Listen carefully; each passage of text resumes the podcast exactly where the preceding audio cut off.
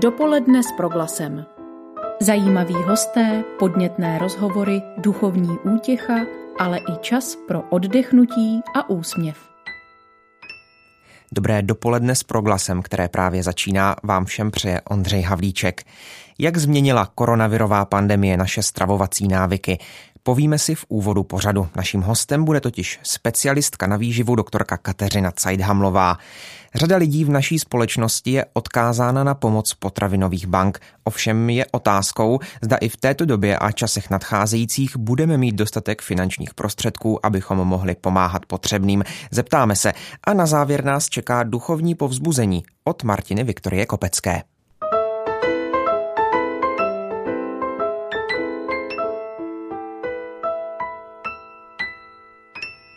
Karanténa a omezení pohybu má na většinu z nás výrazný vliv. Současná situace způsobená nákazou novým koronavirem tak má dopad nejen na cestovní ruch, restaurace a vztahy, ale také na stravovací návyky. Odbornice na hubnutí, lékařka, internistka, psychoterapeutka a také autorka odborných knih a propagátorka zdravého životního stylu, to je Kateřina Cajdhamlová, kterou právě vítám ve vysílání pořadu dopoledne s proglasem. Dobré dopoledne. Dobrý den. Tak paní doktorka, ta současná situace je pro mnoho lidí stresující. Eh, zeptám se, mají lidé sklon při stresu se přejídat? Eh, já bych řekla, že se změní stravitelnost potravy hlavně při stresu. Lidé častěji sahají k alkoholu a častěji sahají k maloobjemové vysokoenergetické stravě, abyste si představil, co to je. Sladké tučné, slané tučné. To znamená, pamlsky dominují nad takovou tou velkoobjemovou stravou. E, samozřejmě e, zhruba polovina lidí byla fakt úzkostných, vyděšených, stažený žaludky, mohly akutně i zhubnout, ale tam spíš hubnou aktivní hmotu. E, chronický stres vede většinou k tloustnutí, říká se tomu obalování nervů tukem. Rozumím tomu.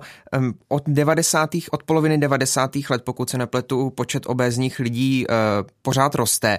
Eh, jak to do téhle křivky zasáhne karanténa a ten omezený pohyb navíc, který jsme prožili v minulých měsících? Bude tam o nějaký výrazný nárůst ještě nahoru, nebo to nepředpokládáte? Hezký dotaz. Já bych jenom chtěla upozornit, že v roce 98 se výrazně změnily eh, vlastně meze toho, co to je nadváha a obezita, čili eh, ono to není, že by to jenom rostlo v populaci, ale je to taky trošku změna těch eh, normálních hodnot směrem dolů. Takže to jenom tak pod čarou. Jinak to, že se lidé nehýbali, to záleží na tom, jestli se rozhodli cvičit doma nebo ne. E, jinak spousta lidí jezdila víc autem, to bych řekla, že je problém, protože e, nebyla úplně taková důvěra k hromadné dopravě, vlaky moc nejezdily, takže e, víc lidí jezdili autem. Myslím si, že spíš to bude záležitost zhubnutí aktivní hmoty, než že by lidé vysloveně přibrali 6 až 7 týdnů, to je relativně krátká doba. To, co vidím jako problém, je opravdu alkohol, ale to, co vidím jako plus, jsou matky doma. To znamená, že řada žen vařila, vařily teplé obědy, snídalo se doma, čili jako záleží na tom, jak to kdo pojal, ale nemůže to být jenom jednoznačně špatně. Pokud by taková situace trvala delší dobu, tak eh, měli by lidé přijmout nějaká zásadnější opatření v tom, aby třeba v populaci právě nerostl eh, výrazně počet eh, lidí s nadváhou? Eh, bylo to velmi zajímavé. Na začátku té, toho nouzového stavu jsem koukala, co lidi nakupují. A můžu vás ujistit, že nenakupovali pamlsky, ale nakupovali luštěniny, rýži, trvanlivé potraviny, různé takové ty křehké chleby. Takže bych řekla, že minimálně v té první fázi se výrazně zlepšilo stravování lidí. Teprve asi později, když už eh, vlastně byl ten stres delší dobu, tak začaly mizet různé pamlsky a proteinové tyčinky a podobně. Samozřejmě, pokud by trvala karanténa delší dobu, asi to první, co eh, trošku poklesne, bude schopnost lidí nakupovat a ekonomická situace mnohých rodin, což samozřejmě z mého pohledu povede spíš k příklonu k jídlu ze surovin a ne e, z fast foodu a těch dražších typů stravování. Takže by to naopak mohlo být možná dobře. Tak to mm, jsou možná dobré vyhlídky.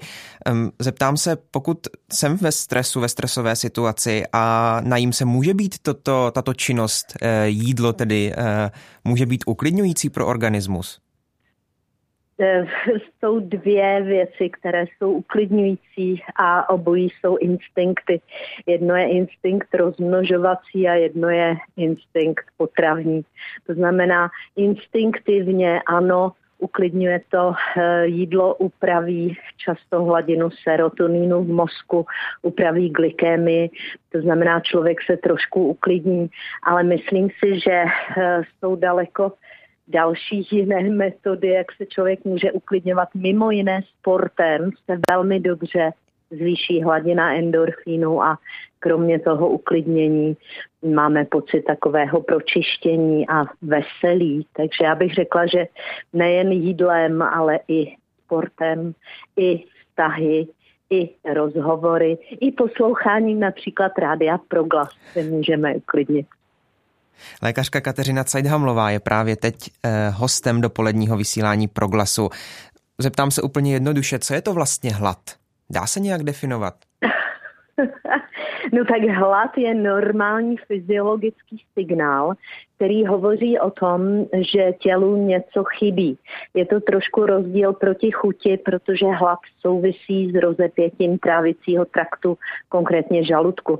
Proto u těch zmenšovacích operací žaludku tam ten hlad se trošičku utlumí tím, že eh, se zmenší žaludek. Ale hlad je život zachraňující signál. Pokud, bychom, pokud by nám hlad vymizel, no tak umřeme na základě nedostatku potravy. Například hlad vymizí u depresivních pacientů, tam to vede k hubnutí a může to být velice nebezpečné z hlediska zdravotního stavu, takže vašme si hladu, hlad je fajn. No a ten hlad je přece hodně rozdílný u různých skupin lidí, u mužů, u žen, u různě, u různě starých lidí. Eh, jak ideálně poznat, eh, že už mám dost? Počkejte, tak teď se bavíme o hladu nebo nasycení? Teď se bavím uh, o nasycení, ano, dost... přešel jsem od toho hladu k tomu nasycení a uh, už jsem to nezmínil, přesně tak. Jasně. No tak normální je, že 20 minut po té, co zahájíme jídlo, většinou dostaví pocit nasycení. Pocit nasycení rovněž souvisí s rozepětím žaludku a souvisí s tím, co zrovna ten organismus potřebuje. To znamená pocit nasycení, například pokud klesla hladina cukru v krvi a my jíme jídlo, které je sice sladké, ale tučné, ten pocit nasycení trvá eh, nebo se dostavuje později. To znamená, ono, eh, vy ode mě chcete jednoduché odpovědi, ale eh, například pokud náctiletí dívky po 11. roce věku mezi 11. a 15. chlapci mezi 15. a 18. mají hlad, tak je to správně, protože oni mají jíst o čtvrtinu víc než jejich dospělý rodič stejného pohlaví. Eh, samozřejmě bránit normálnímu fyziologickému pocitu je jedna věc, ale odlišit, jestli se jedná o e, psychiatrickou diagnózu, to znamená psychogenní hlad, anebo jestli se jedná opravdu o život zachraňující věc, to odliší jenom to, že objektivizujeme stravu. A tady bych chtěla upozornit, že chroničtí dietáři kteří drží opravdu ty podvýživové diety, třeba 5000 kJ a podobně, tak oni neumějí odhadnout, co je vlastně normální potrava. A hlad mývají pořád, ale pokud objektivizujeme množství jejich stravy, tak pochopíme, že ten hlad mají, protože jedí prostě jako tříleté děti, což je málo říká Kateřina Cajdhamlová. Doktorka je teď právě eh, hostem dopoledního vysílání pro glasu. Jsem moc rád, že jsme nezůstali u těch jednoduchých odpovědí. Ty jsem rozhodně, eh, rozhodně nechtěl a jsem rád, že se bavíme eh, více do hloubky, ale teď by mě zajímalo k, ke způsobu vaší práce. Máte teď eh, v té době posledních dvou měsíců, kdy se razantně změnilo chování společnosti, například eh, práci trochu jinou, nebo přibylo obecně konzultací třeba v té oblasti právě hubnutí potravinových, potravinového poradenství? Tak, za prvé já jsem z větší části, teda je moje praxe psychoterapie. Co se týče psychoterapie, tak tam se jenom změnila forma. Toho prezenčního jsme poskytovali telefonickou nebo online eh, vlastně psychoterapii. Tady bych řekla, že to z hlediska budoucnosti pro mě představuje vlastně výzvu a je to něco, co já vítám, že jsme tohleto převedli z částí pacientů, protože Někteří dojížděli z větší dálky a je to takhle pro ně efektivnější, ekonomičtější. Takže v této první vlastně době, kdy jsme měli zavřeno a fungovali jsme telefonicky online, tak já měla práce spíš víc. V okamžiku, kdy jsme otevřeli, eh, v době, kdy otevírali kostely a wellness a fitness, tak jsme mohli otevřít i to poradenství na hubnutí. No tak eh, nám chodili pacienti spíš na kontrolu a ku podivu tito lidé, kteří byli motivovaní už před tím vznikem eh, té, hm, té krizové situace, tak ty eh, zhubly. To znamená, měli na sebe víc času, cvičili, více zajímali o jídlo. To znamená, tam jsme viděli pozitivní výsledky. Eh, těch, kdo stloustli, vlastně nikdo. No, takže e, myslím si, že ti lidé, e, kteří třeba měli noční za normálního provozu, tak si odpočali a hubli čistě tím, že déle spali. Další maminky, které měli hodně hektický životní styl a teď se mohli víc věnovat dětem, zase uklidnili se a hubli prostě jenom proto, že byli víc rodinou. Samozřejmě zase na druhou stranu e, projevovala se i ponorka, to znamená některé páry se rozhádali a dopadlo to špatně, ale ti lidé zase tam se to na hmotnosti příliš neprojevilo. Takže e, řekla bych, že ten, ten e, takový ten zvolněný prezenční způsob nám ubral lidi, kteří přicházeli do ordinace, ale celkově nám neubral eh, kontakty s lidmi. A musím, musím říct, že já jsem chvilku měla i krizové intervence po telefonu, byla jsem v součásti takové dobrovolnické sítě a tam jsem eh, se dostala eh, na telefon s lidmi, kteří by mi za normálních okolností nevolali zřejmě. Takže to byly velice zajímavé rozhovory a já sama jsem za to velmi ráda. Moje poslední otázka, poprosím o stručnou odpověď, pokud možno. Eh, vy jste zmínila, že lidé, kteří byli už před začátkem té koronavirové krize motivovaní ke zhubnutí, eh, tak v tom vytrvali. Jaké jsou, jaké jsou nejčastější eh, důvody ke zhubnutí a jaká je motivace lidí? Velice často chodí ženy a domývají se, že tím zachrání svůj rozpadající se vztah. Tady chci jenom všem říct, že pokud se s nimi někdo rozchází, tak to, že zhubnou, většinou nic nezmění. E, muži chtějí zase dosáhnout fyzické výkonnosti jako ve 30, což někdy jde, ale někdy to bývá problém.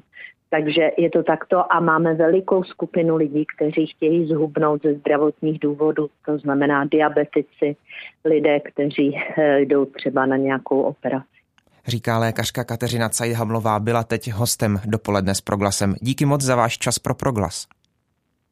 Děkuji za pozvání a hodně zdraví všem. Naschledanou. Naslyšenou. Dopoledne s Proglasem.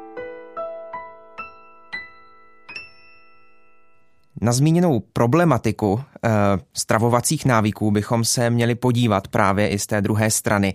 E, zůstávají totiž u nás e, v Česku e, spoustu Zůstávají totiž u nás lidé, kteří jsou v souvislosti s potravinami odkázáni na pomoc potravinových bank a to je právě ten druhý pol, o kterém teď budeme mluvit. Ředitelka České federace potravinových bank Veronika Láchová je nyní hostem našeho dopoledního vysílání. Dobrý den.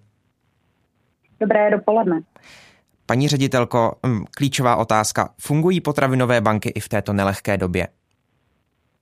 Samozřejmě fungují stále, eh, ten provoz nebyl téměř nějak omezen, eh, v posledních týdnech dokonce fungují eh, o, o několik procent nebo o poměrně hodně procent více, než to bylo v předchozích týdnech, kdy, řekněme, byl ten běžný provoz.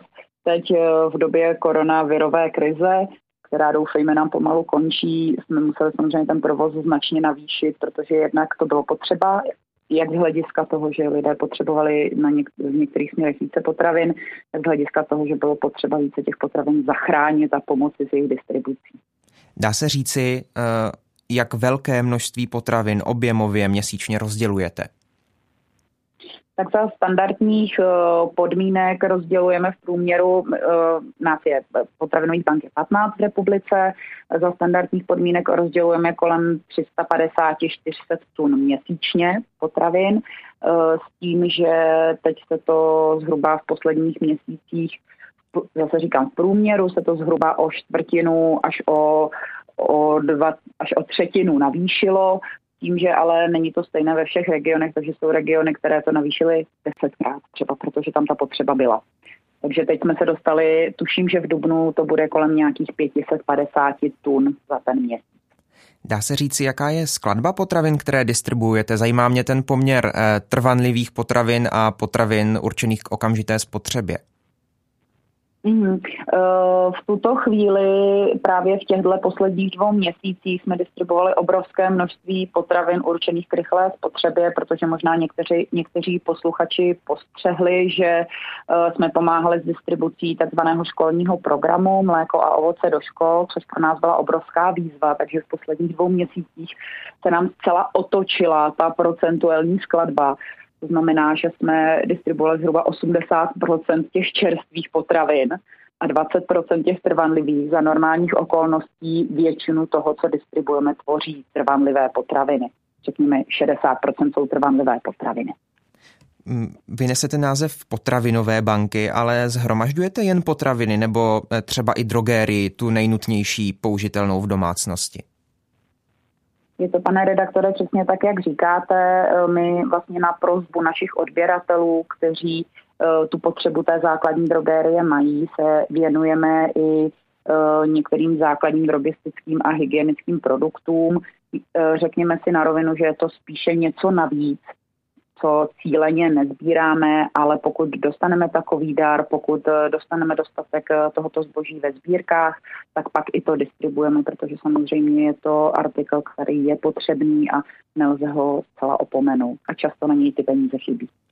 Hostem proglasu je teď ředitelka České federace potravinových bank Veronika Láchová. Podle údajů na vašich webových stránkách eh, pomoc eh, potravinových bank využilo už více než 100 tisíc lidí. Tak eh, kdo jsou tito lidé? Kdo je příjemcem vaší pomoci? Tak pro začátek je důležité říct že potravinové banky sami o sobě nedistribuují přímo k lidem, přímo k jednotlivcům. My jsme opravdu organizace, která se snaží uh, pomáhat, ale nejsme poskytovatelé tzv. sociálních služeb. To znamená, že naši lidé a naše sklady neurčují, komu potravinová pomoc přísluší či nikoli. My spolupracujeme zhruba se s osmi stovkami neziskových organizací, charit, komunit, farností, ale i měst, obcí, městských částí. A ti od nás odebírají ty potraviny a oni je potom distribuují mezi své klienty. To spektrum je obrovské, nejširší, jaké si dovedete představit od malých dětí bez rodičů přes rodiny v nouzi, maminky samoživitelky, eh, terénní programy nejrůznějšího charakteru, terapeutické komunity až po asilové domy a domovy seniorů. To znamená, že opravdu eh, od několika denních či týdenních klientů až po ty úplně nejstarší v republice prostě uh, tito lidé se mohou obrátit na ty odběratelské organizace a pokud to alespoň trochu jde, tak je jim ta pomoc poskytnuta. Hmm, jak právě ty odběratelské organizace vybíráte? Hmm, přijmete téměř každého, kdo do vaší sítě, eh, každého, kdo tu pomoc potom poskytne dál, nebo je tam nějaký, eh, nějaké síto?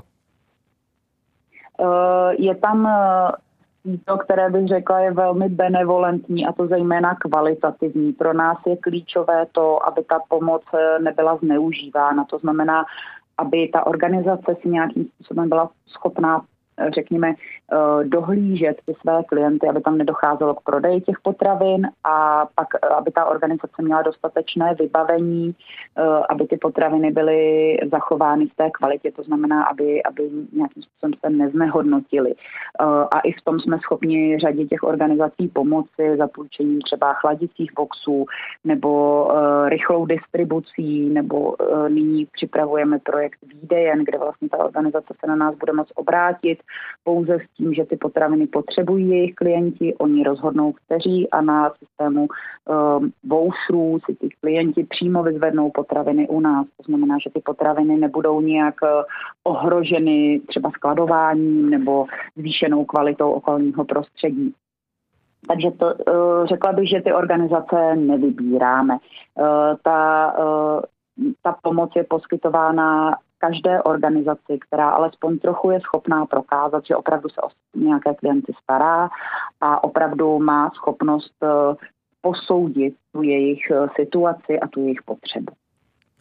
Tak vy kromě toho, že spolupracujete třeba s velkými obchodními řetězci, od kterých tedy e, přebíráte potraviny, které už m, jsou třeba neprodejné, tak zároveň pořádáte pravidelně také potravinovou sbírku mezi lidmi. Jak to s ní bude letos?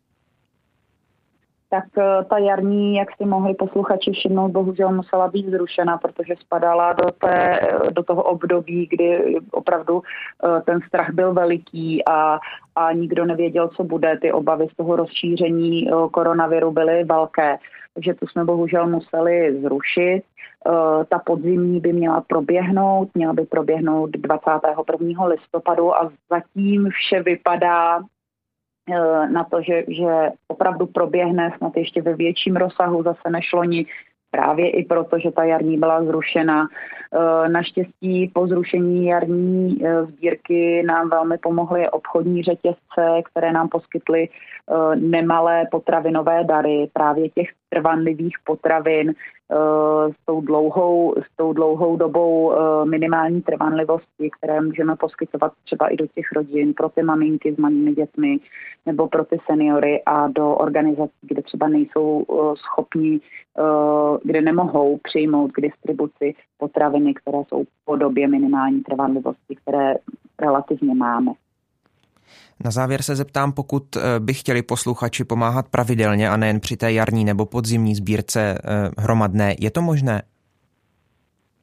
Eh, je to možné určitě. Řekla bych, že v tuto chvíli bych doporučila posluchačům, aby ještě počkali, co se týče třeba nasazení ve skladech, protože zatím stále ještě máme, řekněme, nějaké bezpečnostní podmínky, tak abychom minimalizovali možnosti nějaké kontaminace jak potravin, tak skladů.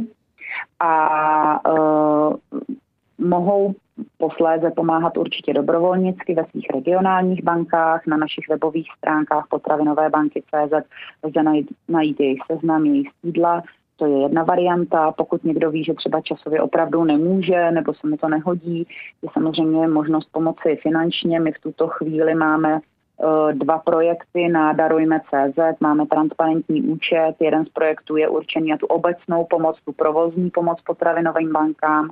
A druhý projekt, který je velmi unikátní i eh, z evropského měřítka, protože potravinové banky obvykle nekupují potraviny, rozdělují pouze to, co získají zdarma, tak uh, jsme vlastně požádali Evropskou federaci o výjimku a máme jeden projekt, který je určený pouze a výhradně na nákup trvanlivých potravin. Oba dva ty projekty běží na Darujme.cz a samozřejmě lze přispět i na náš transparentní účet, jehož číslo najdete na webových stránkách. Říká Veronika Láchová, ředitelka České federace potravinových bank. Díky moc za váš čas a za rozhovor.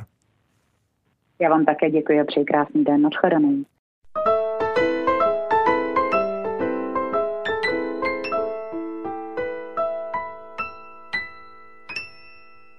O dopisech sice řeč nebude, ale poslat můžete něco jiného, a to krabici od bot. To je zároveň název největší sbírky vánočních dárků pro děti z chudých rodin v České republice a také jediná celorepubliková sbírka, kde nejen obdarovaní, ale také dárci jsou děti. V loňském roce dárci věnovali více než 35 tisíc těchto krabic. Příjemci dárků jsou děti v sociálně vyloučených lokalitách, asilových domech, krizových centrech, pěstounských rodinách, nízkoprahových klubech či jinde. A teď přišel čas na letní verzi sbírky Krabice od bot. Více nám nyní řekne tiskový mluvčí diakonie Českobratrské církve evangelické Pavel Hanich. Dobré dopoledne. Dobrý den přeji. Pane mluvčí, o co tedy jde ve sbírce Krabice od bot? Ehm, šlo by popsat nějak jednoduše, jak funguje? K vyhlášení této mimořádné verze tradiční sbírky krabice od nás vedla ta situace současné pandemie, protože i když se situace, řekněme, vrací do normálu, tak je jasné, že se dlouhodobě dotkne a dotýká mnoha lidí a také mnoha dětí. A tak jsme si řekli, že uděláme speciální edici krabice od bod letní verzi Sbírka je sice tradičně spojená s Vánoci, ale nic nám nebrání uspořádat ji i na úsvitu léta, když je to aktuální a když jde o pomoc dětem, což je v duchu této sbírky. Uhum. A zajímá mě, jak, jak funguje. Pokud se tedy chci zúčastnit této sbírky, přihlásím se na nějakých webových stránkách. Eh, mohl byste popsat, prosím, postup eh, pro ty, kteří by se chtěli zapojit a stát se dárci? Ano, eh, tato verze sbírky funguje jako finanční, mm, zatím nezbíráme fyzické krabice z dárky, to zase až o Vánocích. Eh, když budete chtít sbírku podpořit, můžete se eh, podívat na web krabice a tam je přímo i formulář, eh, kde si můžete vybrat, jakou částku chcete poslat, co za ní koupíme, jak to těm konkrétním dětem pomůže. A pak už je to jednoduché. Krabice. Půjdeme-li tedy teď eh, k těm, kteří mm, jsou obdarova, obdarovanými, s jakými problémy se v době koronavirové pandemie potkávají rodiny s postiženými dětmi? Už přes dva měsíce eh, nefungují ambulantní služby eh, to znamená například denní stacionáře pro děti s postižením. Znamená to, že e, rodiče musí být e, s dětmi doma a to i třeba s dětmi s nějakým vysokým stupněm postižení, což je velice náročné a e, omezuje to nějak samozřejmě v práci a v dalších aktivitách. I když za několik dnů, zatím se zdá 25. května, se tyhle služby znovu otevřou, tak například speciální školy, kterých diakonie provozuje 16 a je v nich zhruba kolem 500 dětí s nějakým handicapem, kdy i velmi těžkým, eh, tak vlastně za současných podmínek otevřít nemohou až do konce školního roku, což je veliká zátěž pro rodiče a pro všechny, kdo o tyto děti pečují. To jsou rodiny s postiženými dětmi, eh, co rodiny, které se ocitly v sociální tísni. Eh, ti řeší velmi napjatou situaci s rozpočtem. Řada těch lidí eh, už žila v nějaké tísni tohoto typu a někteří, eh, si, ta situace se u některých ještě prohloubila, někteří nedosáhnou ani na pomoc státu a i ti, kdo dosáhnou, tak eh, tahle sanace bude stačit třeba na nějakou pomoc s bydlením a základními eh, životními potřebami. Nicméně už nebude na další důležité výdaje spojené s dětmi, které třeba většina z nás pokládá za samozřejmé. Hostem ve vysílání proglasu je teď Pavel Hanich, tiskový mluvčí Diakonie. Bavíme se především o eh, letní verzi sbírky Krabice od bod. Eh, co z vybraných peněz budete hradit? Jak budou vypadat ty dárky, na které eh, lidé přispějí? Eh, to, co může konkrétně pomoci dětem a tím jejich rodinám. Takže například eh, doučování pro děti, které eh, se třeba nemohly účastnit online výuky, protože zkrátka nemají tak dobré internetové připojení nebo mají nějaké jiné potíže. Chceme také přispět rodinám na letní tábory nebo výlety pro děti, abychom tak podpořili nějaké jejich opětovné zapojení do kolektivu, když teď dva měsíce vlastně byli doma. A pak také zcela konkrétní věci, které jsou eh, potřebí a mnozí lidé si je nemohou dovolit. Školní potřeby, obědy pro děti. V případě těch dětí s postižením například různé terapie eh, pro tyto děti a podobně.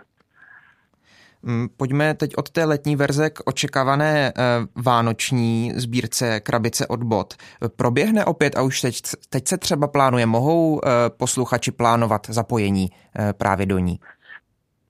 No, e, připravujeme letos jubilejní desátý ročník krabice odvod, těšíme se na to a součástí sbírky budou i některé novinky, na které se e, posluchači mohou těšit. Všechno potřebné, podstatné najdou e, na stránkách krabice odvod, na stejných stránkách, kde teď prezentujeme tu mimořádnou letní verzi krabice.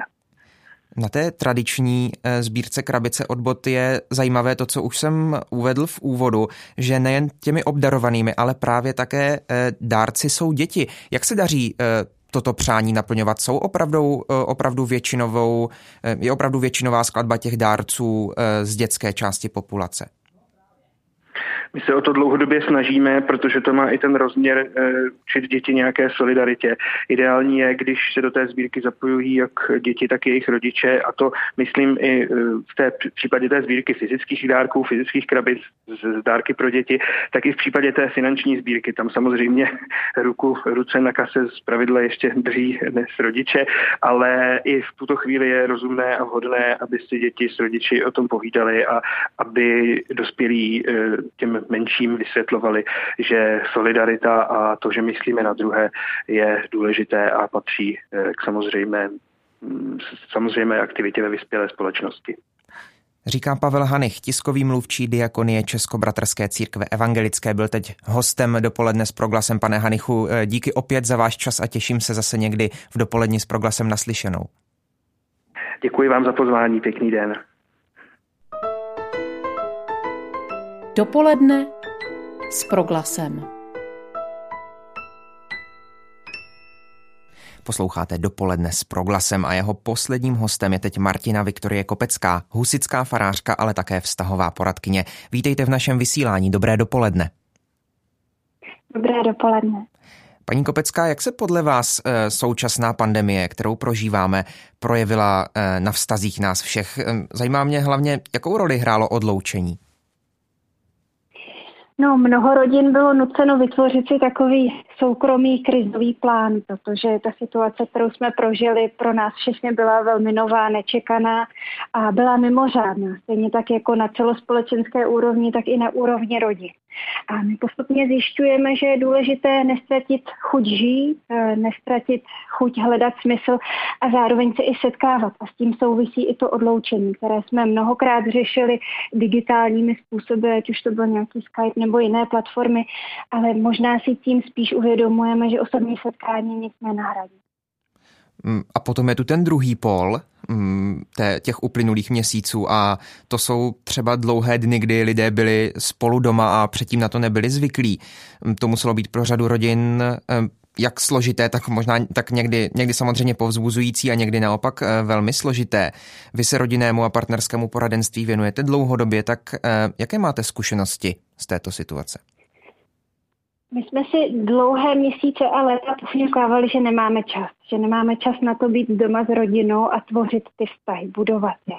A najednou jsme ten čas dostali a bylo jenom na nás, jak s ním naložíme. A tak jsem slyšela spoustu krásných příběhů o tom, jak se rodiny semkly, jak si užívají rodiče to, že vidí růst svoje děti a děti se mohou vztahovat k rodičům nejenom jako k autoritě, ale i jako třeba k pedagogům.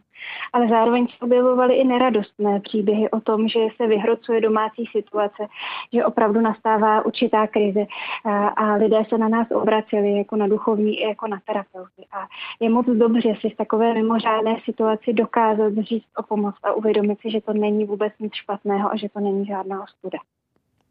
Mm, k těm vztahům a pobytu doma se pojí eh, také další téma. Vy už jste před časem v jednom z rozhovorů řekla, že budujeme kariéru a nepečujeme o vztahy. Tak eh, změnilo se to teď právě s pobytem lidí eh, hodně doma, s prací na home officeu? Hodně zaměstnavatelů si možná uvědomuje, že jejich pracovníci jsou dokonce výkonnější, když mohou zůstávat doma a pracovat v době, kdy jim to vyhovuje, kdy mohou skloubit rodičovské povinnosti a radosti eh, s tou svojí prací. A tak si v podstatě dostáváme do zajímavé situace, kdy možná mnoho zaměstnavatelů bude dovolovat eh, těm svým zaměstnancům pokračovat v práci doma dál a že nám to pomůže nastavit takovou novou platformu a uvědomit si, že není vždycky potřeba sedět 8,5 hodin hodiny v kanceláři, ale že tu práci můžeme vykonávat i od Je to nové poznání na, na mnoha úrovních. Naším hostem, hostem eh, ve vysílání dopoledne s proglasem je teď eh, farářka a terapeutka Martina Viktorie Kopecká. Myslíte si, že se po těch, po těch uplynulých měsících eh, lidé stanou pozornější také k duchovním otázkám, nebo v tomto ohledu zůstane, zůstaneme nepoznamenáni? Mě na začátku skoro překvapilo, jak velký zájem byl ze strany těch lidí, kteří chodí pravidelně do kostela o to, aby se mohli nějakým způsobem dostávat k božímu slovu, aby byli vedeni, aby si třeba mohli poslouchat kázání. Ale objevil se i zájem u lidí, kteří chodí do kostela třeba jenom velmi svátečně, na Vánoce, na Velikonoce anebo když, se, když křtí děti, anebo se, se berou. Takže to pro mě bylo takové povzbuzení k tomu, že je potřeba neustále mít co si připraveno, tak aby, abychom my jako církve přicházeli za, za lidmi e, s tím, že jim můžeme určitým způsobem pomoct hledat duchovní způsoby života i v situaci, kdy lidé nemohou jít do kostela. Krásným příkladem tomu byly Velikonoce, ze kterými jsme mimořádně a výjimečně nešli do kostela, ale zvali jsme ty Velikonoce pomyslně k sobě domů. A tak se tím kostelem nebo církví vlastně stal náš kuchyňský stůl domov, naše srdce. A to je uh, zajímavá a krásná myšlenka pro mnoho lidí, kteří hledají způsob, jak zapojit duchovní hodnoty a vůbec duchovní prožívání do svého světa, uh, do svého fungování. A tak se stalo, že ve chvíli, kdy se otevřely kostely, tak přišli i ti, kteří do kostela obvykle nechodí nebo nepřichází pravidelně. A říkali, sdělovali nám, že si uvědomují, jak jim to vlastně chybělo a jak ta mm, duchovní cesta pro ně v době, kdy neměli žádnou perspektivu naděje nebo všechno bylo velmi vzdálené a nebo pohyblivé, jak jim to mm, dávalo opěrný bod a, a pomoc, jak to bylo zdroj světla. Mluvíte o tom domácím prožíváním víry, mm, duchovna jako o něčem velmi podstatném. Eh, je pravděpodobné, že nám to zůstane do budoucna, nebo se eh, navrátíme eh, naplno zpátky do kostelu a ta domácí víra, domácí prožívání víry bude opět upadat? My jsme zažili dost dlouhou dobu na to, abychom dokázali vytvořit určitý návyk k něčemu. Ať už je to třeba pravidelná modlitba s poděkováním nebo každodenní hodnocení toho našeho prožívání a vůbec našeho vztahu a stavu, což souvisí i s těmi duchovními hodnotami. Teď ukáže jenom čas, jestli u toho dokážeme vydržet, jestli se nám podaří to nastavené nivo nějakým způsobem udržet, zdali o, to, o tu víru, kterou objevujeme, získáváme a nějakým způsobem ji ohmatáváme, zjišťujeme, jak moc živá je, jak moc tepe, tak zdali se o ní budeme dokázat eh, umět starat.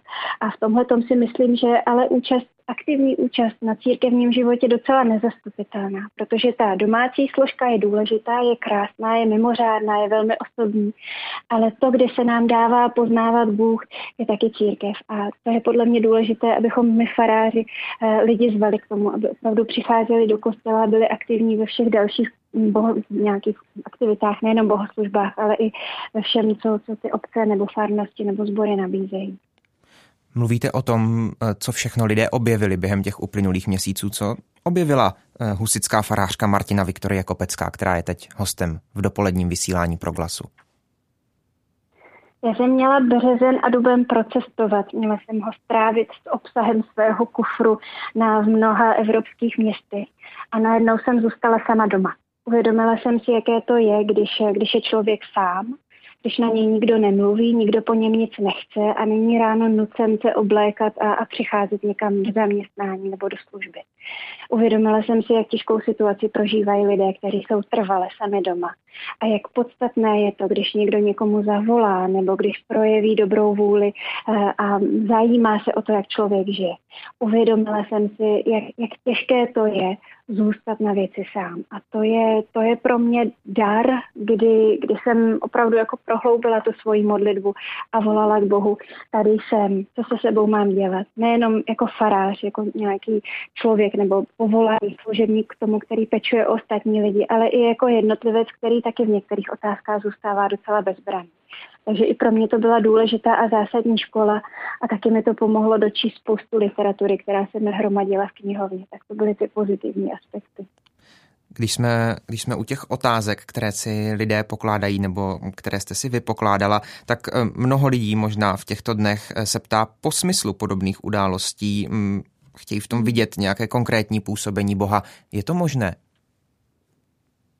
Ano, já myslím, že se můžu zase vrátit k tomu, co jsem říkala na začátku. Nás celá tahle ta situace vede k tomu, že, že si uvědomujeme, jak podstatné je nestratit chuť žít, jak je podstatné pořád hledat ve věcech smysl.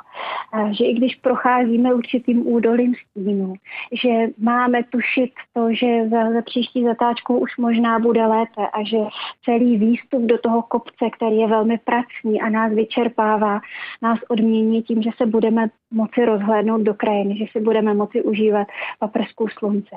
A ta boží blízkost eh, je někdy paradoxně mnohem intenzivněji prožívaná ve chvíli, kdy jsme v nějaké krizi, kdy je to pro nás těžké, kdy, kdy se opravdu dotýkáme nějakých svých limitů.